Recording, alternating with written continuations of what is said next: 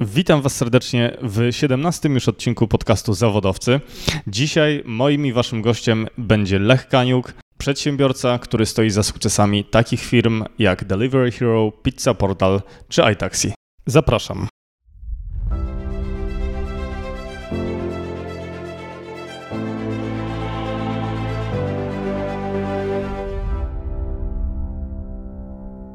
Lechu, witam serdecznie. Przede wszystkim bardzo Ci dziękuję, że znalazłeś czas i przyjąłeś zaproszenie do zawodowców. A, dziękuję za zaproszenie, miło mi bardzo.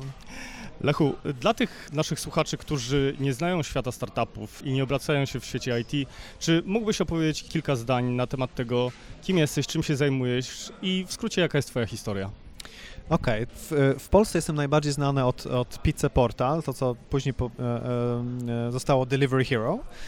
I e, dzisiaj e, jestem coraz bardziej kojarzony z eTaxi, który jest platformą do zamawiania taksówek, która jest jakby dostępna w całej Polsce, e, ale też jako angel investor, który no, im, im, im zainwestował w kilka, kilka różnych polskich, polskich startupów. Ale mm, można powiedzieć, że mój background, czy jakby od, od dawna byłem przedsiębiorcą albo przedsiębiorcy, przedsiębiorczy w, jakby w swoim charakterze. Robiłem bardzo dużo różnych rzeczy, począwszy od zrywania kwiatów e, e, u sąsiadów i je sprzedawanie e, nawet czasami do nich samych. Trochę jak Gary Vaynerchuk. tak jest. No, było dużo haseł, no, oczywiście jakby z, z, z, różnymi doświadczeniami, no to to się profesjonalizowało i, i, i jakby robiłem coraz bardziej poważne rzeczy, tak bym powiedział. Więc ogólnie próbowałem bardzo dużo różnych rzeczy. Raczej większość rzeczy to były związane z innowacjami i to, co potocznie się mówi startupami, albo wczesna faza firmy, ale, no, ale tak, tak, jak, tak jak wspomniałem, no Delivery Hero i jakby grupa online pizza, którą stworzyliśmy w czterech krajach. Ja, ja osobiście przyjechałem do Polski, bo, bo mam korzenie z Polski i, i założyłem to, to tutaj, no to e, z tego jestem najbardziej kojarzony i to do, do dzisiaj jest jakby moim największym sukcesem. Lechu, mam do Ciebie pytanie. Jak to się dzieje, że 18-letni przedsiębiorca, bardzo młody przedsiębiorca, e, sprzedaje swój własny, nie wiem czy pierwszy, czy kolejny patent dużej spółce metalurgicznej? No to, to był rzeczywiście pierwszy, e, pierwszy pomysł. No, e, pracowałem w, e, w jakby wakacja podczas studiów. Pracowałem właśnie w, w Hucie i, i, i, po prostu tam to trochę jest trudno, żeby wytłumaczyć. W dużym skrócie to był problem. Tam taki wąż zawsze pękał w tym samym miejscu, ciekł gaz, a obok był no, metal stopiony. Więc to połączenie dosyć niebezpieczne. Ludzie, którzy tam pracowali już od lat, to zawsze mieli podejście takie, a y, tego nie będę, jakby nikt, nikt się tym nie przejmował, bo tak zawsze było, no to, to skoro tak zawsze było, no to po co ja mam to zmieniać? No a ja jednak postanowiłem, że nie, ja tego nie akceptuję, bo uważam, że to jest niebezpieczne e, i chcę to zmienić. No i, i, i zastanawiam się, w jaki sposób mogę to zmienić i, e, no i wymyśliłem, e, w jaki sposób to, to, to, to mogłem zrobić. Tam chodziło o, o to, żeby zrobić taką sprężynę dookoła tego, tego węża, żeby on nie pękał. Więc bardzo prosty mechanizm, a ta huta była na tyle jakby uczciwa i, i fajna, że doceniła po prostu te starania i mi zapłaciła za, za, za pomysł. I myślę, że to, e, to jest dosyć szwedzkie, e, bo to też jest takie zachowanie na zasadzie takiej fajnie, że ktoś coś chce zmienić i to poprawia nasz biznes, to może zapłaćmy za to, to może inni też będą chętnie wymyślali jakby inne rzeczy i jakby w taki sposób motywować do tego typu działania i to rzeczywiście moim zdaniem działa, a, a nie na zasadzie takiej, o fajnie, no to my mu weźmiemy ten pomysł i trochę skorzystamy z tego. To jest trochę krótkomyślne. Mm, kapitalne, długofalowe podejście. Moim zdaniem to jest słuszne podejście. Właśnie Lechu, ale e, to była Szwecja, prawda? Jak to się stało, że e, nagle pomyślałeś sobie, że wrócisz do Polski, no, bo wychowałeś się w Szwecji? Tak, e, no, miałem rok, jak, jak rodzina się wyprowadziła do Szwecji, całe życie dorastałem w Szwecji i to było tak, że chciałem, chciałem pójść na medycynę. To może chciałem, albo moi rodzice chcieli, e, to, to, to jeszcze jakby... Ma, mamy w takim razie coś wspólnego, bo ja e, kończyłem liceum właśnie o profilu biologiczno-chemicznym, ale nic z tego nie wyszło. Tak, no, no tak e, czasami bywa, prawda, bo tak myślę, że bardzo często bywa, że jednak rodzice mają jakiś pomysł dla, dla swojej dzieci, a niekoniecznie dzieci później tego pomysłu jakby czują. No a w każdym razie przyjechałem do Polski na studia medyczne, bo, bo nie dostałbym się w, w Szwecji. I tym sposobem tu się pojawiłem na jakby pierwszy raz, ale miałem różne perypetie z urzędem celnym, takie, że tam chcieli, żebym cło zapłacił, bo jeszcze Polska nie była w Unii wtedy. Później mi skradli ten sprzęt, więc znowu miałem problem, bo obo, jakby zobowiązałem się do tego, żeby wrócić do Szwecji razem ze sprzętem, no ale jak był skradziony, to tego już nie mogłem zrobić. I no takie różne nieprzyjemne historie, więc postanowiłem, że Polska jest beznadziejnym krajem, nie chcę tutaj żyć, w ogóle chcę jak najszybciej stąd wyjechać. E, I takie było moje nastawienie, więc rzuciłem studia i wróciłem do Szwecji. Ale e, z racji tego, że no nie dostałem się na, na medycynę w Szwecji, no to jednak e, zacząłem działać różne, jakby, e, w różne sposoby. Dostałem się na, na, na uniwersytet e, w Szwecji, ale już na Politechnikę. E, no ale ten, ta przedsiębiorczość i tworzenie różnych startupów cały czas się, się gdzieś, tam, gdzieś tam była w tle, albo robiłem obok studiów, zacząłem robić jakieś tam pomysły i biznesy z kolegami ze studiów co spowodowało, że już z, jakby z kierunku e, inżynierskiego e, przerzuciłem się na ekonomię e, no bo to już mi bardziej pasowało z tym, co chciałem robić, więc coraz bardziej świadomy zacząłem być co ja robię, a, a co ja chcę robić, więc to, to się zaczęło jakby zbliżać się. No i, no i krok po kroku różne rzeczy i, i znowu skracając bardzo to, to, to jak doszliśmy do momentu, kiedy chcieliśmy wychodzić za granicę z online pizza, pierwszy kraj był Austria, tam zainwestowaliśmy w portal, który jakby z biegiem czasu coraz więcej inwestowaliśmy w ten portal i tym sposobem też go przejęliśmy. No ale jak padło, żeby e, pójść na inny kraj e, i Polska była ciekawym krajem, e, dla nas ciekawym, bo dużo ludzi, mała konkurencja, stosunkowo tanie, nie mieliśmy dużo funduszy, żeby wejść na jakieś Wielką Brytanię albo Niemcy. Który to był rok? I to był 2009 i pod koniec 2009 postanowiliśmy, że ok, no to ktoś musi pojechać do Polski, założyć naszą spółkę, kto potrafi ten język, no i oczywiście padło, padło na mnie. E, no i przyjechałem do Polski. E, wtedy powiedziałem, że rok wytrzymam, rok zacisnę zęby, ale więcej nie obiecuję, tylko założę spółkę, zacznę to jakby rozkręcać, znajdę ludzi. Nadasz tempo temu. Dokładnie. I znajdę jakiegoś zastępcę i, i, i ja wracam do Szwecji. Taki był pomysł. Ale e, jednak Polska dużo się zmieniła, już była w Unii. Akurat też się tak złożyło, że zacząłem się spotykać z e, e, dziewczyną, w której się zakochałem podczas studiów, którą dzisiaj jest moją obecną żoną. No i jakby, no i, i, i, e, e, no i to coraz bardziej się rozwijało. Później sprzedaliśmy naszą grupę, bo jeszcze rok później weszliśmy do Finlandii, e, więc cztery kraje były w naszym portfolio. No i rok później, w 2012 roku postanowiliśmy to sprzedać i dołączyć do Delivery Hero, który chciał jakby rozwinąć się na cały świat. Zobowiązałem się, żeby zostać dwa lata, ale po dwóch latach jeszcze było tak dużo do roboty, że, że postanowiłem, ok, no to jeszcze dwa lata. Czyli do 2016, ale już w 2016 no to już czułem, że to, jest, to już jest mój czas, żeby e, e, wyjść z, jakby z tej przygody i, i wejść w coś nowego. No akurat tak się złożyło, że zacząłem inwestować jakby w trakcie, więc zainwestowałem między innymi w Vitaxi, E, no i jak, jak rozmawiałem między innymi z Łukaszem Weichertem o, o, na temat jakby, czy, czy mam jeszcze może zostać w tym Deliver Hero, czy może pójść gdzieś indziej, e, no i albo, no jak, jak, jak o tym myśleć i jakby co, co dalej, dalej robić, no to padła propozycja, żebym po prostu dołączył do iTaxi i, i, i przejął stery po prostu. E, no i tak się stało. No właśnie, Lechu, a mam takie pytanie do ciebie. Wspominałeś o tym, że dojrzewała do ciebie, w tobie ta myśl, żeby odejść z firmy. Kiedy jest ten moment, kiedy e, osoba, która zakłada taką firmę w Polsce, rozwija ją, tworzy i tak dalej, dochodzi do wniosku, że to jest, to jest właśnie ten moment na odejście? No, to, to ja myślę, że to jest e, dosyć trudny temat, bo, bo, bo chyba nie ma tak, że jest jakiś konkretny moment, który, e, który to definiuje i od razu trzeba... trzeba Pytam o ciebie, wiesz? Tak. Rozumiem, tak.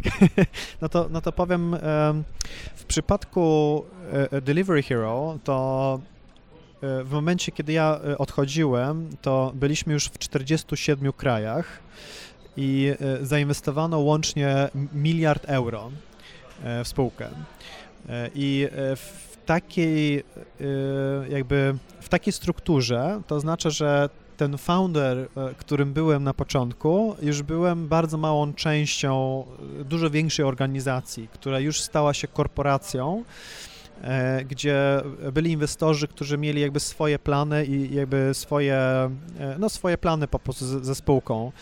I, i, i, i te wszystkie venture capital i, i, jakby inwestorzy, którzy mieliśmy, no to oni chcą oczywiście zwrot z inwestycji i patrzą na biznes bardziej z, na zasadzie stopu zwrotu swojej inwestycji niż jakby to, co my robimy.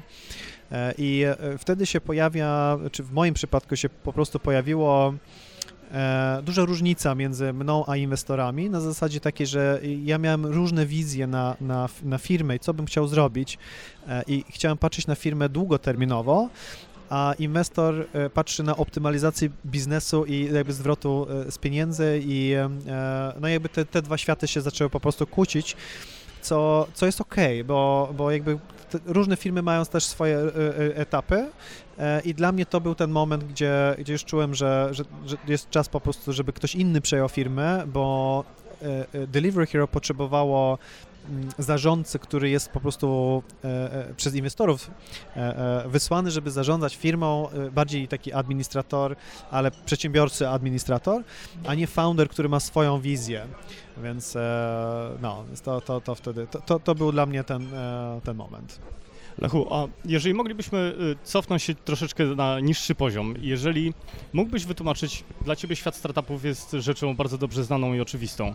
E, dla, przypuszczam, większości z naszych słuchaczy startupy są takim mglistym pojęciem. Czy mógłbyś wytłumaczyć de facto, czym jest startup i czym się różni od zwykłej firmy? E, chyba definicja w ogóle startupa jest taka, że e, jest pomysł na, na, na, na jakiś biznes e, i, i, się, i się szuka, w jaki sposób się chce realizować ten biznes, czyli jeszcze nie wiadomo do końca, jak to sprzedawać i, i co de facto robić i dla, dla kogo. Ale wydaje mi się, że to pojęcie startupu jest używane tak bardziej lifestyle'owo i, i, no i to, to, jest taki właśnie taki lifestyle, że może trochę w inkubatorze jestem, że mam mało ludzi, jest dużo różnych pomysłów, prawda, nie ma struktur i, i szukamy inwestora. Wiesz, bo zadałem Ci to pytanie, bo ostatnio czytałem artykuł na temat jednej z polskich firm i CEO przyznał, że właśnie wyszli z fazy startupu i stali się tą normalną firmą. ciekaw byłem Twojej definicji z zdania, kiedy następuje właśnie ten moment, kiedy startup przestaje być startupem, a jest normalną firmą, która działa na zasadach rynkowych. E, wydaje mi się, że chyba moje podejście jest takie, że to, to zawsze tworzymy firmy od początku, a, a, a, kwestia startupu no to jest trochę takie modne, modne słowo moim zdaniem, bo nawet jeśli my prowadzimy biznes, to otoczenie się zmienia i to, że my czasami musimy szukać w jaki sposób inaczej monetyzować nasz biznes, e, nie oznacza, że jesteśmy startupem. Po prostu to jest naturalne środowisko każdego biznesu. Czasami te zmiany nadchodzą szybciej, czasami nie, e, ale więc e, myślę, że tak, jak jest bardzo, bardzo wczesna faza, dużo różno próbujemy, próbujemy e, jakiś pierwszy produkt e, na, na rynek, no to można powiedzieć, że to jest startup, prawda?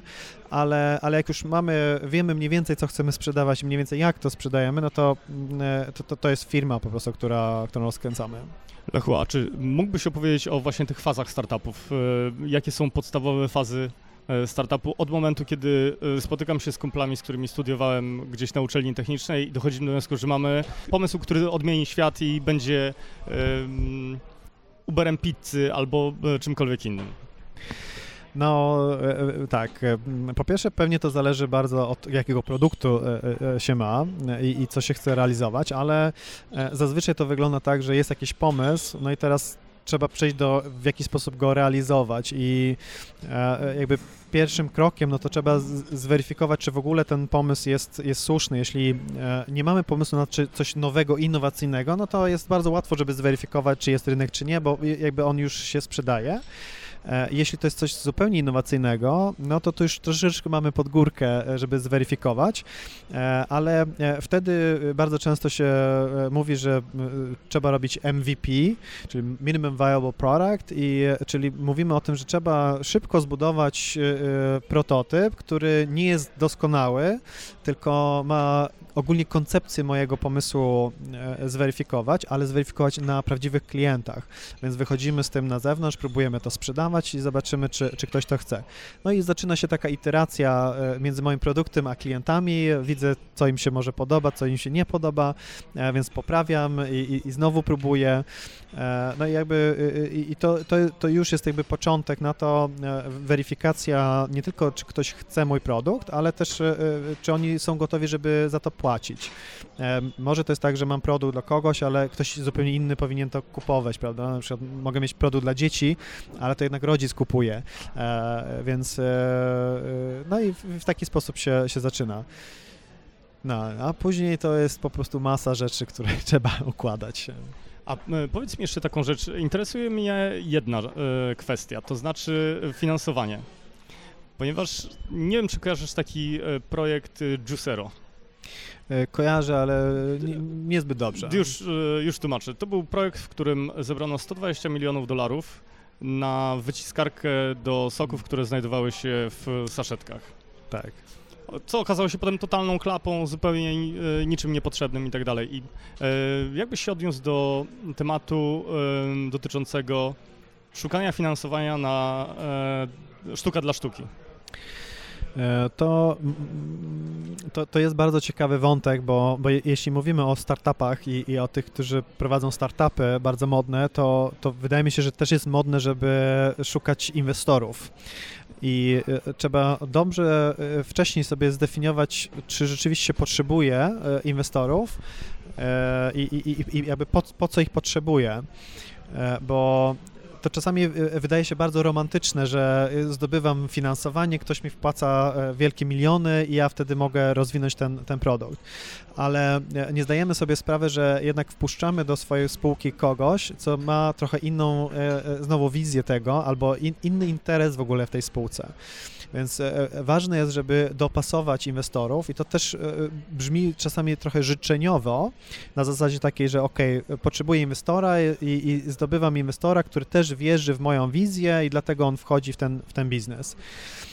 Ale taki inwestor, który to czuje, albo nawet jest branżowy, to jest du dużo lepszy niż, e, e, niż czasami e, zwykły fundusz, bo fundusz będzie zaraz chciał wyjść z tej inwestycji, będzie naciskał na to, żeby jednak sprzedać tą spółkę, a, a, a, takie myślenie no, niekoniecznie jest jakby zgodne z tym, co chce robić. Chyba, że ktoś zakłada firmę, żeby ją sprzedać, ale to wtedy uważam, że też jest złe podejście, tak swoją drogą, bo, bo, bo to wtedy jest takie podejście, że coś stworzę, zdobędę finansowanie i, i, i szybko to sprzedam i sta, stanę się milionerem. To jakby to, to, to, wtedy ktoś nie do końca rozumie, o co chodzi w tym wszystkim, prawda?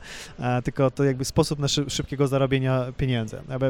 Więc e, e, e, finansowanie jest czasami właśnie traktowane trochę takie, takie gloryfikowanie tego, że jak ktoś zdobył dużo finansowania, to, to, to, że to jest same dobro, a to może pomóc, żeby rozwinąć spółkę e, e, bardzo, ale zależnie na jakich warunkach też ten ktoś zainwestował, prawda? Bo ja mogę dużo oddać swojej spółki, mogę różne kontrole oddać, albo może to być e, później inwestor, który może mi blokować z kolei moje ruchy, które chcę zrobić, więc naprawdę finansowanie przez inwestorów jest, jest tematem takim dosyć śliskim, a jeszcze warto po powiedzieć, bo to też ludzie zapominają, że czasami można finansować swój pomysł poprzez sprzedaż. Normalnie ja idę do klientów i sprzedaję swój pomysł i dostaję pieniądze od klienta. To oczywiście nie, nie da się ze wszystkim. Mówisz o sprzedaży już produktu swojego. Tak.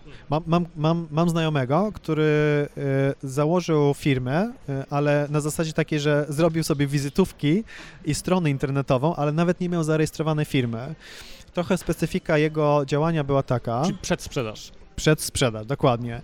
Więc zrobił fajną prezentację w, e, w PowerPoincie, zrobił sobie stronę, zrobił wizytówkę, więc wyglądał bardzo profesjonalnie ale y, y, jego klienci to byli, były lotniska. E, więc e, żeby zakładać firmę, mieć siedzibę i tak dalej, i tak dalej, to są duże koszty e, i zanim on zatrudni te wszystkie rzeczy, zanim zacznie tworzyć produkt i cała tam te, te wszystkie rzeczy, które by potrzebował, żeby później zrealizować swój pomysł, no to są duże inwestycje.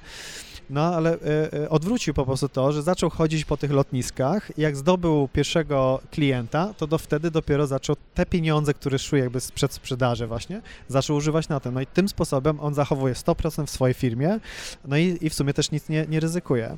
A my w, e, w Pizza Portal, czy Online Pizza, to e, my też inny jeszcze sposób finansowania naszego rozwoju biznesu zrobiliśmy, który też jest warto, żeby pamiętać, że tych możliwości finansowania jest dużo. Mianowicie rozwijaliśmy terminale, przez które przekazujemy zamówienia. To było unikatowe na, na rynku, dużo lepsze, bo wcześniej inne portale konkurencyjne to wysyłały zamówienia przez fax. To, to, to dzisiaj to chyba trzeba... Po... 2009 rok. No dokładnie, to niedawno temu, prawda? A, a teraz jak się zapyta na mieście e, e, kogoś, e, nastolatka, co to jest faks, to nie wie, co to jest, prawda?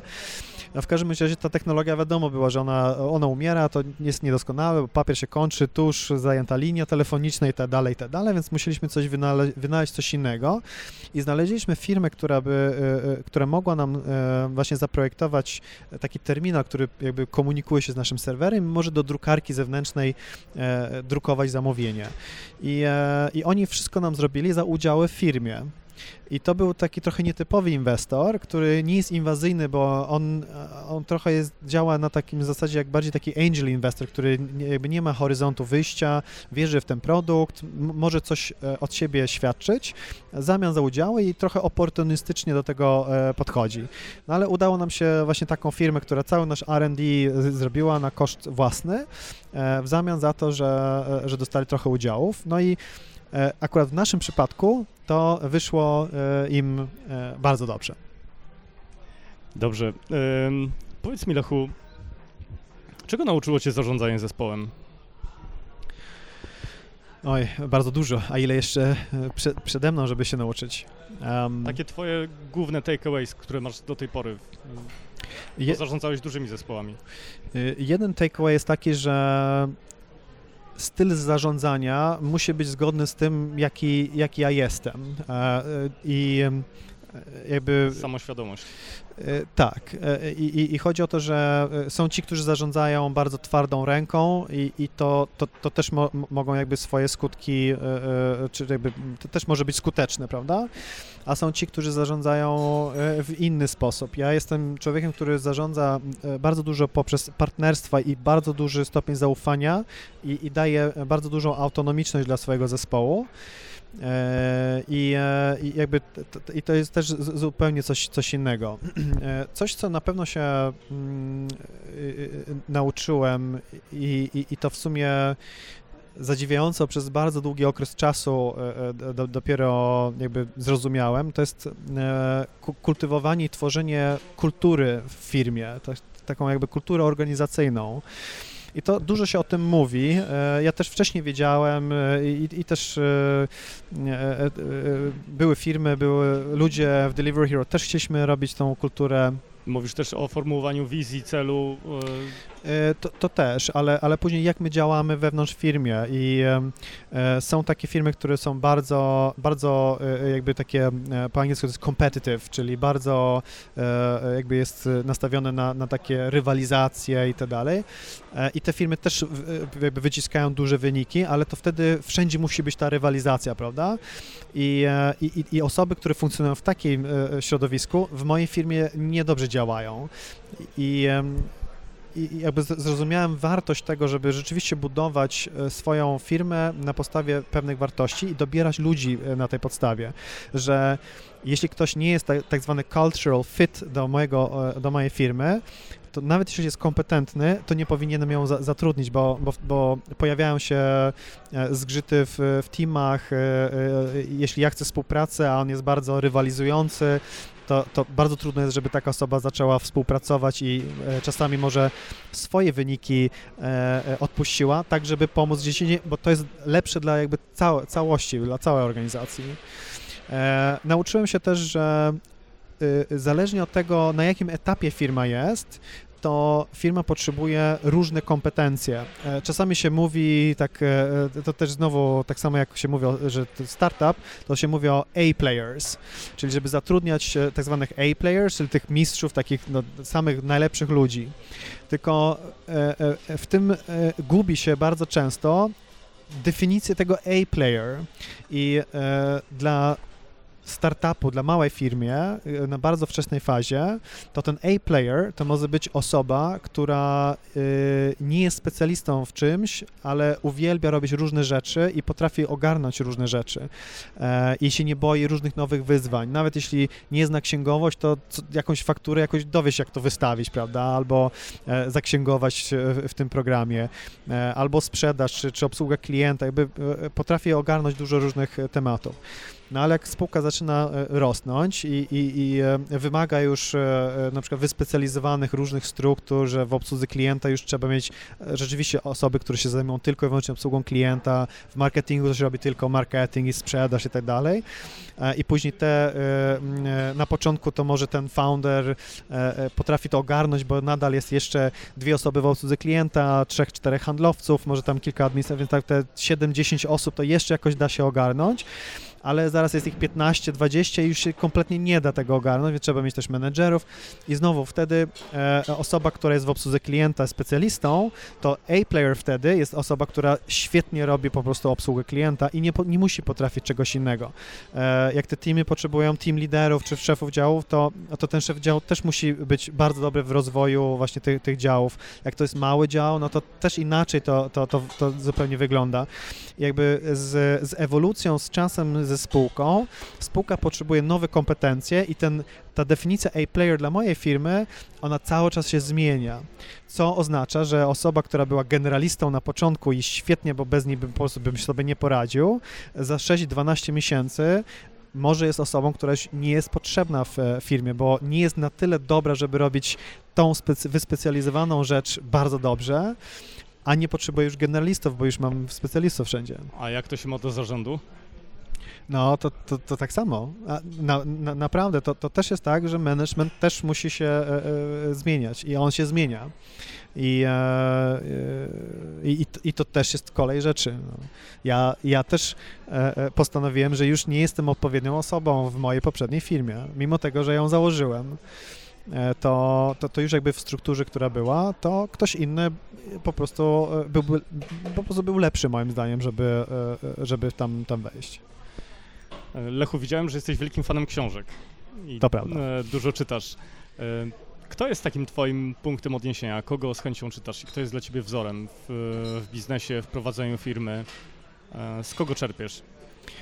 To mam chyba takich dwóch wzorców biznesowych. Jeśli chodzi o zarządzanie, to jest Andy Grove niestety już e, e, nie żyje, ale e, Andy Grove był jeden z pierwszych pracowników w Intelu i później został CEO i prezesem Intela.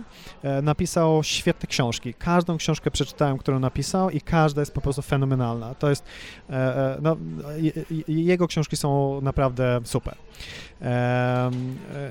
Więc Andy Grove na, na pewno.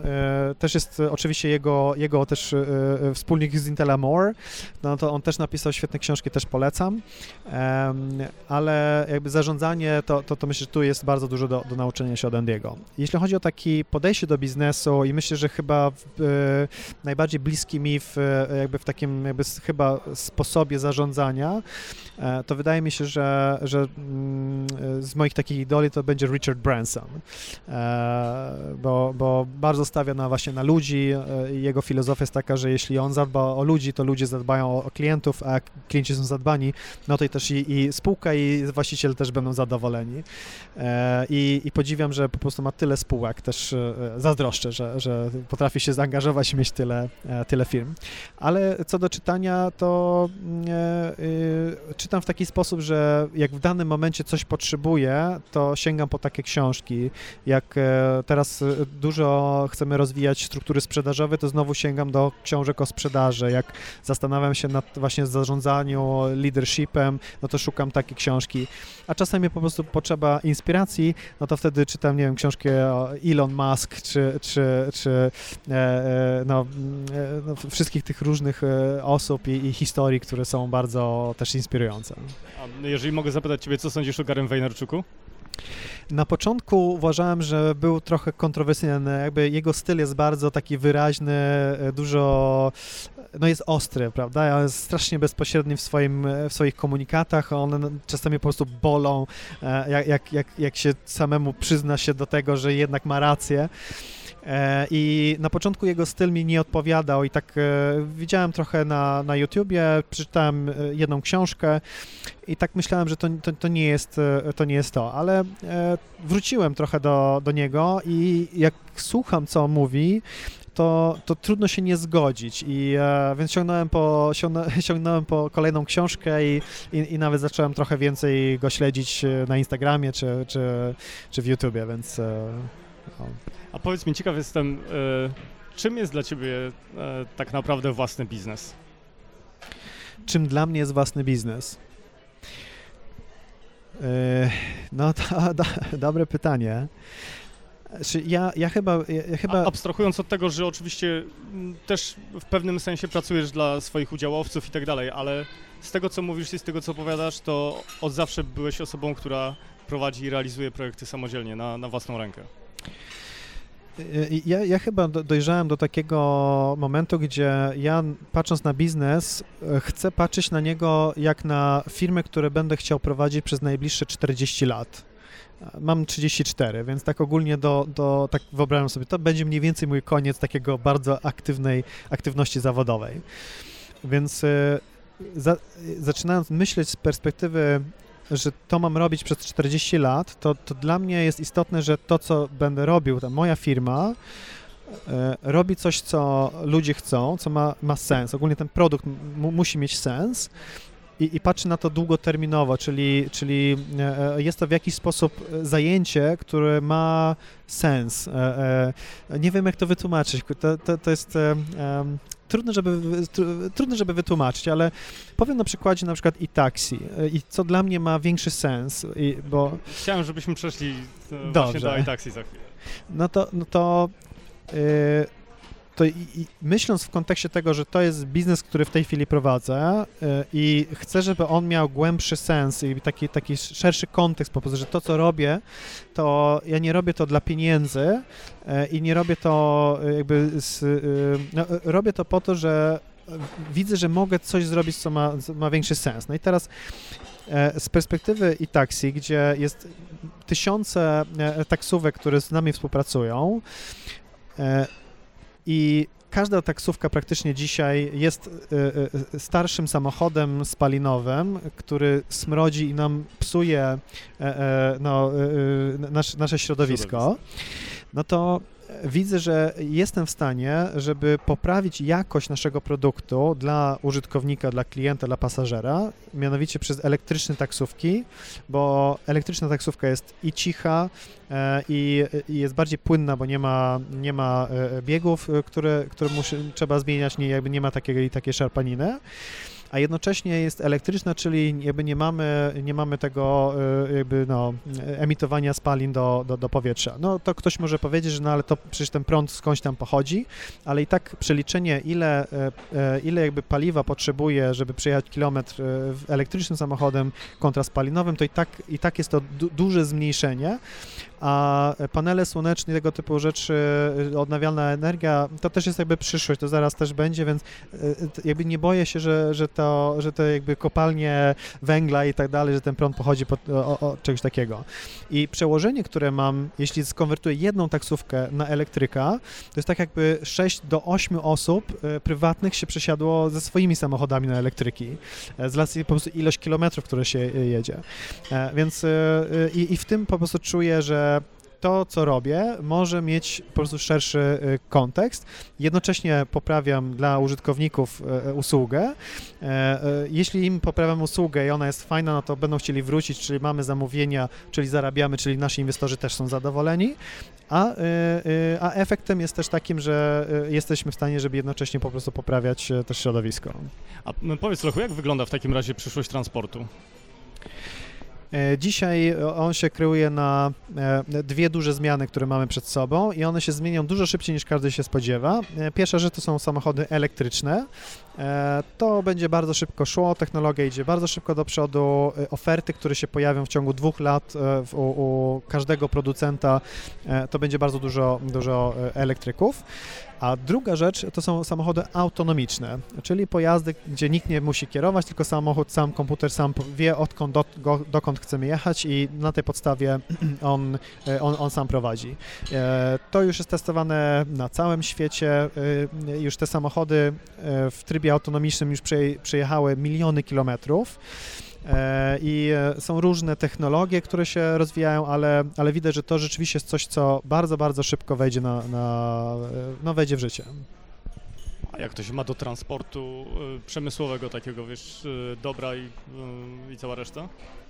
E, myślę, że autonomiczne i elektryczne pojazdy, one, one bardzo dużo zmienią w każdym obszarze, bo e, silnik elektryczny ma od razu moc e, i więc nawet tiry, inne tego typu rzeczy to, to, to mm, potrafią pociągnąć więcej ładunku, więc zobaczymy na pewno, że, że tu się dużo rozwinie, no, a samochody autonomiczne pozwolą, żeby też transportować w inny sposób, prawda, że też no jakby w, w tym są wiele różnych aspektów aspektów. Oczywiście są ekonomiczne, że nie potrzebujemy mieć ludzi, którzy koniecznie siedzą e, w samochodzie, aczkolwiek myślę, że zmieni się to na, na zasadzie takiej, że będzie, będą osoby, które zarządzają tymi flotami, e, programiści ale e, zobaczymy, że bezpieczeństwo się zwiększy, bo już dzisiaj e, dużo z tych systemów są używane, żeby zwiększać bezpieczeństwo nasze.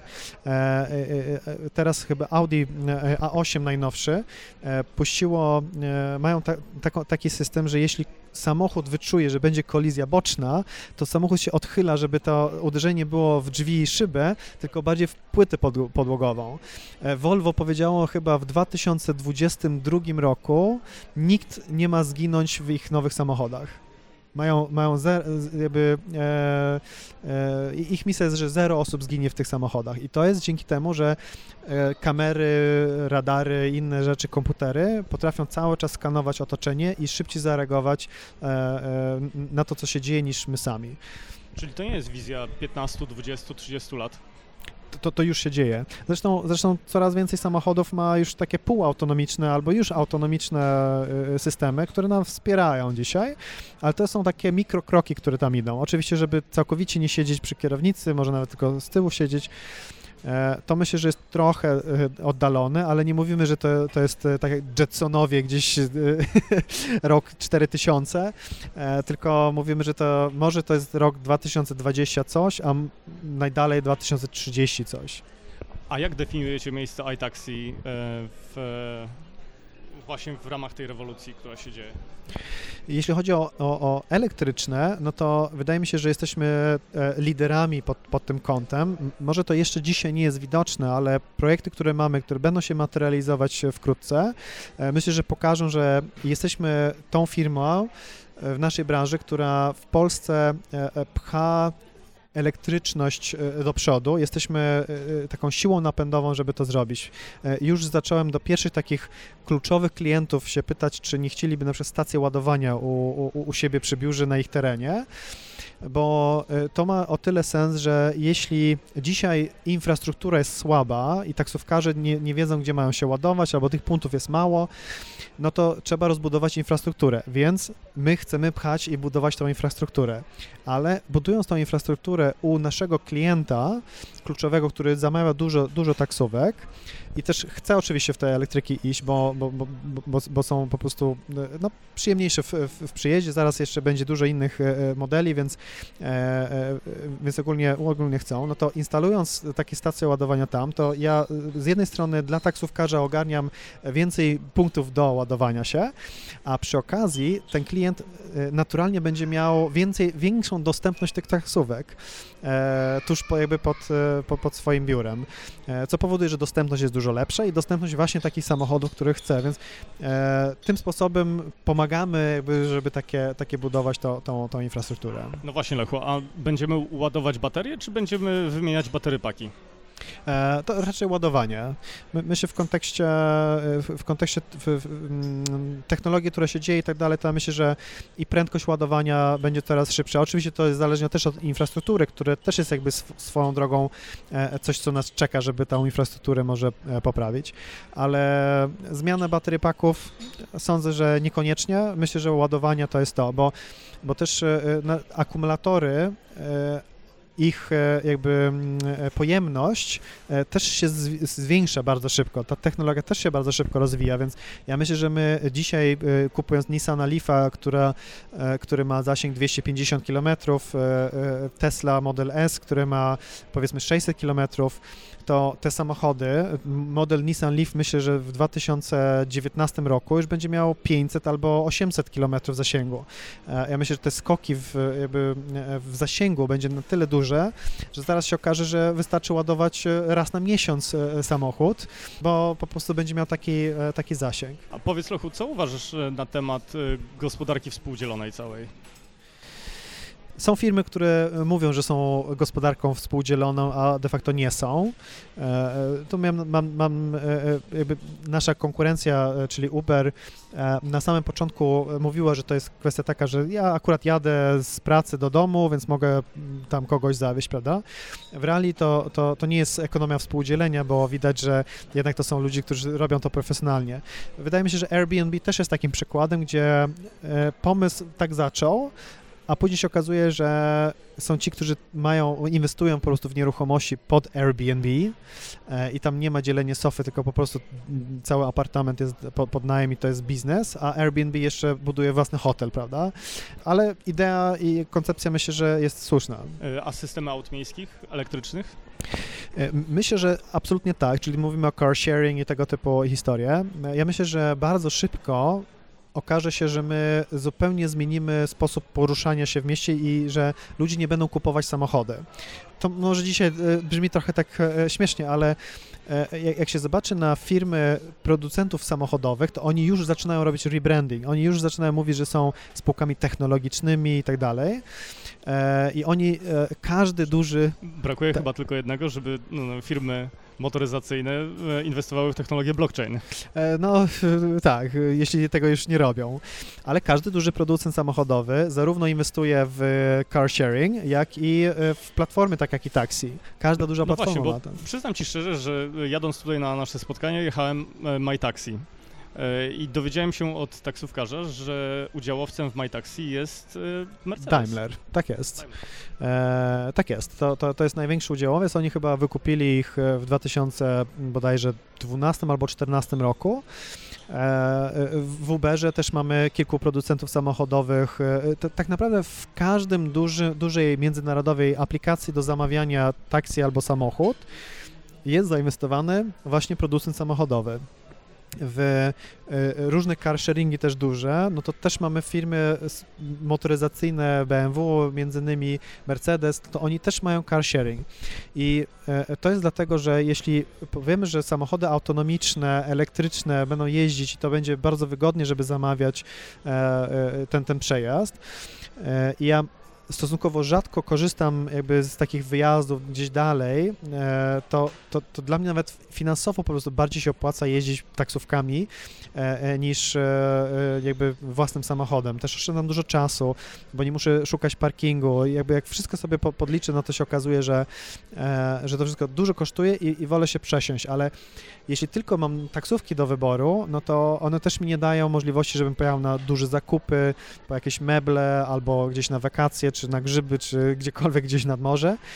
E, I czasami po prostu ten samochód chcę mieć, ale połączenie car sharing, gdzie mogę sobie na godziny, na dzień e, wynająć samochód, jak to potrzebuję, plus na co dzień mogę korzystać z taksi, to nagle się okazuje, że ja już nie potrzebuję e, kupować samochód.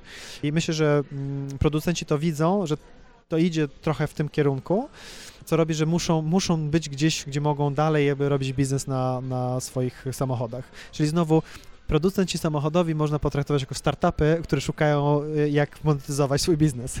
Naturalnie. E, Lechu, a mm, wracając jeszcze do, do waszej firmy, do, e, do iTaxi, e, dlaczego ciche przejazdy, no w ogóle czym są ciche przejazdy i dlaczego okazały się takim hitem?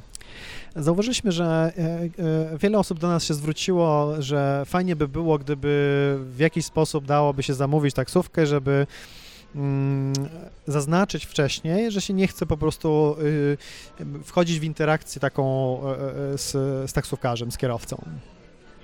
I e, e, e, więc postanowiliśmy, że skoro kilka osób to zrobiło, a technologicznie to było bardzo proste, więc nasz dział produktowy postanowił, no to wrzućmy to do, do najnowszej aktualizacji całej aplikacji. I się okazało, że jednak to było coś, co bardzo dużo ludzi docenia, że mogą przed zamówieniem zaznaczyć sobie, że chcą mieć tak zwany cichy przejazd, czyli życzą sobie, żeby radio było albo wyłączone, albo, albo po prostu w tle. I, e, no i że jakby chcą się zająć czymś innym i nie chcą tej interakcji e, z kierowcą, bo e, akurat chcą dzwonić przez telefon, albo popracować, albo po prostu odpocząć chwilę, albo mm, sobie pomyśleć o czymś, o czymś innym.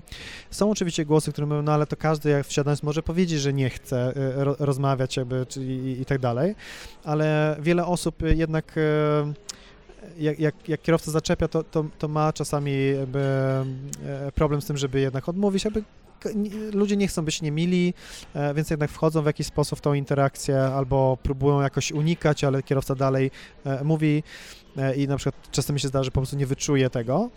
No, więc, więc wyszło o, o to, że słyszeliśmy różne głosy na temat tego, że fajnie by było, gdyby taka była funkcja. Funkcja była bardzo prosta do wdrożenia i okazało się, że jednak dobrze trafiła. Mam pytanie, Lechu, czy taką firmę jak iTaxi buduje się po to, żeby ją sprzedać potem większej, większemu operatorowi, czy po to, żeby konkurować i tych firm było kilka na, na rynku? A, i, i jestem zdaniem, że e, zawsze powinniśmy budować firmę tak, żeby ona e, funkcjonowała, konkurowała na rynku, była konkurencyjna i, i miała długą przyszłość. E, budowanie po to, żeby tylko sprzedać, to to, to, to, to nie jest moim zdaniem naj, najlepsza opcja dla firmy. Czyli jak wygląda, wyglądają najbliższe dwa lata, dwa lata iTaxi? Najbliższe dwa lata iTaxi to mamy całkowicie nową aplikację dla, dla pasażera. Będziemy ją oczywiście dalej rozwijać. Budujemy teraz lepsze aplikacje dla kierowcy, więc technologicznie e, wszystko e, poprawiamy. E, rozbudowujemy różne systemy dla, dla biznesu, bo ogólnie większość naszych klientów to są biznesowi klienci, bo mamy fajne panele, gdzie można zarządzać przejazdami pracowniczymi, rozliczenia, nawet rozliczenia jeśli firma ma bardzo dużo konsultantów, którzy muszą przyjazdy na projekty, to w aplikacji można zaznaczać, na jaki projekt to było, więc e, mamy bardzo dużo narzędzi do tego, żeby e, łatwo było roz, e, no, rozliczać się z przyjazdów korporacyjnych. No i e, dla biznesu też rozwijamy e, nasze punkty, gdzie, gdzie jesteśmy. Jesteśmy operatorem lotniska w Poznaniu, w Lublinie, e, no i ogólnie mamy determinację, żeby powchodzić w inne, inne tego typu punkty nie tylko lotniska, ale też dworce kolejowe, też pierwszy dworzec kolejowy mamy w centrum Poznania też, więc ogólnie tego typu punkty wchodzimy. E, czyli biznes i dostępność dla biznesu. Też pracujemy dużo nad jakością. W tej chwili pracujemy e, w tym roku rzeczywiście e, dużo stawiamy na poprawienie jakości ogólnie usługi, mówiąc o zarówno stronę kierowcy, jak i samochody. No i tak jak wspomnieliśmy, czy rozmawialiśmy wcześniej, czyli cała tematyka elektrycznych samochodów. Myślę, że tu będzie się bardzo dużo działo. E, mamy kilka partnerstw, które mam nadzieję, że wkrótce będziemy mogli ogłosić, co też nam pomogą po prostu rozwijać ten, e, ten kierunek, więc zobaczymy, myślę, dużo elektryków, dużo rozwiązania dla biznesu i coraz lepszą jakość zarówno po stronie naszego produktu aplikacyjnym, jak i e, kierowców. Lechu, ponieważ też jesteś inwestorem, inwestujesz w inne przedsięwzięcia, jeżeli miałbyś określić obszar, branżę, która zrobi gigantyczny skok w najbliższej przyszłości, to jak myślisz, jaka byłaby to branża? Oprócz transportu. Oprócz taksi.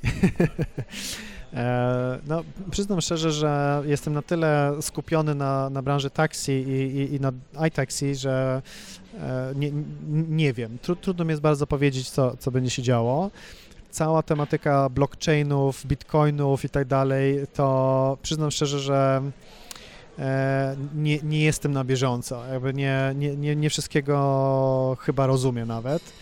E, więc e, no, ale to wydaje się e, być jakimś obszarem takim finansowym, albo może to rozszerzyć takim fintechowym, już nie tylko jakby Bitcoin, ale ogólnie technologia do, do, w obszarze finansowym, to myślę, że tutaj będzie się na pewno też dużo działo bo widać, że coraz częściej też różne startupy, różne firmy przychodzą, czy mają pomysły e, e, w, w tym obszarze.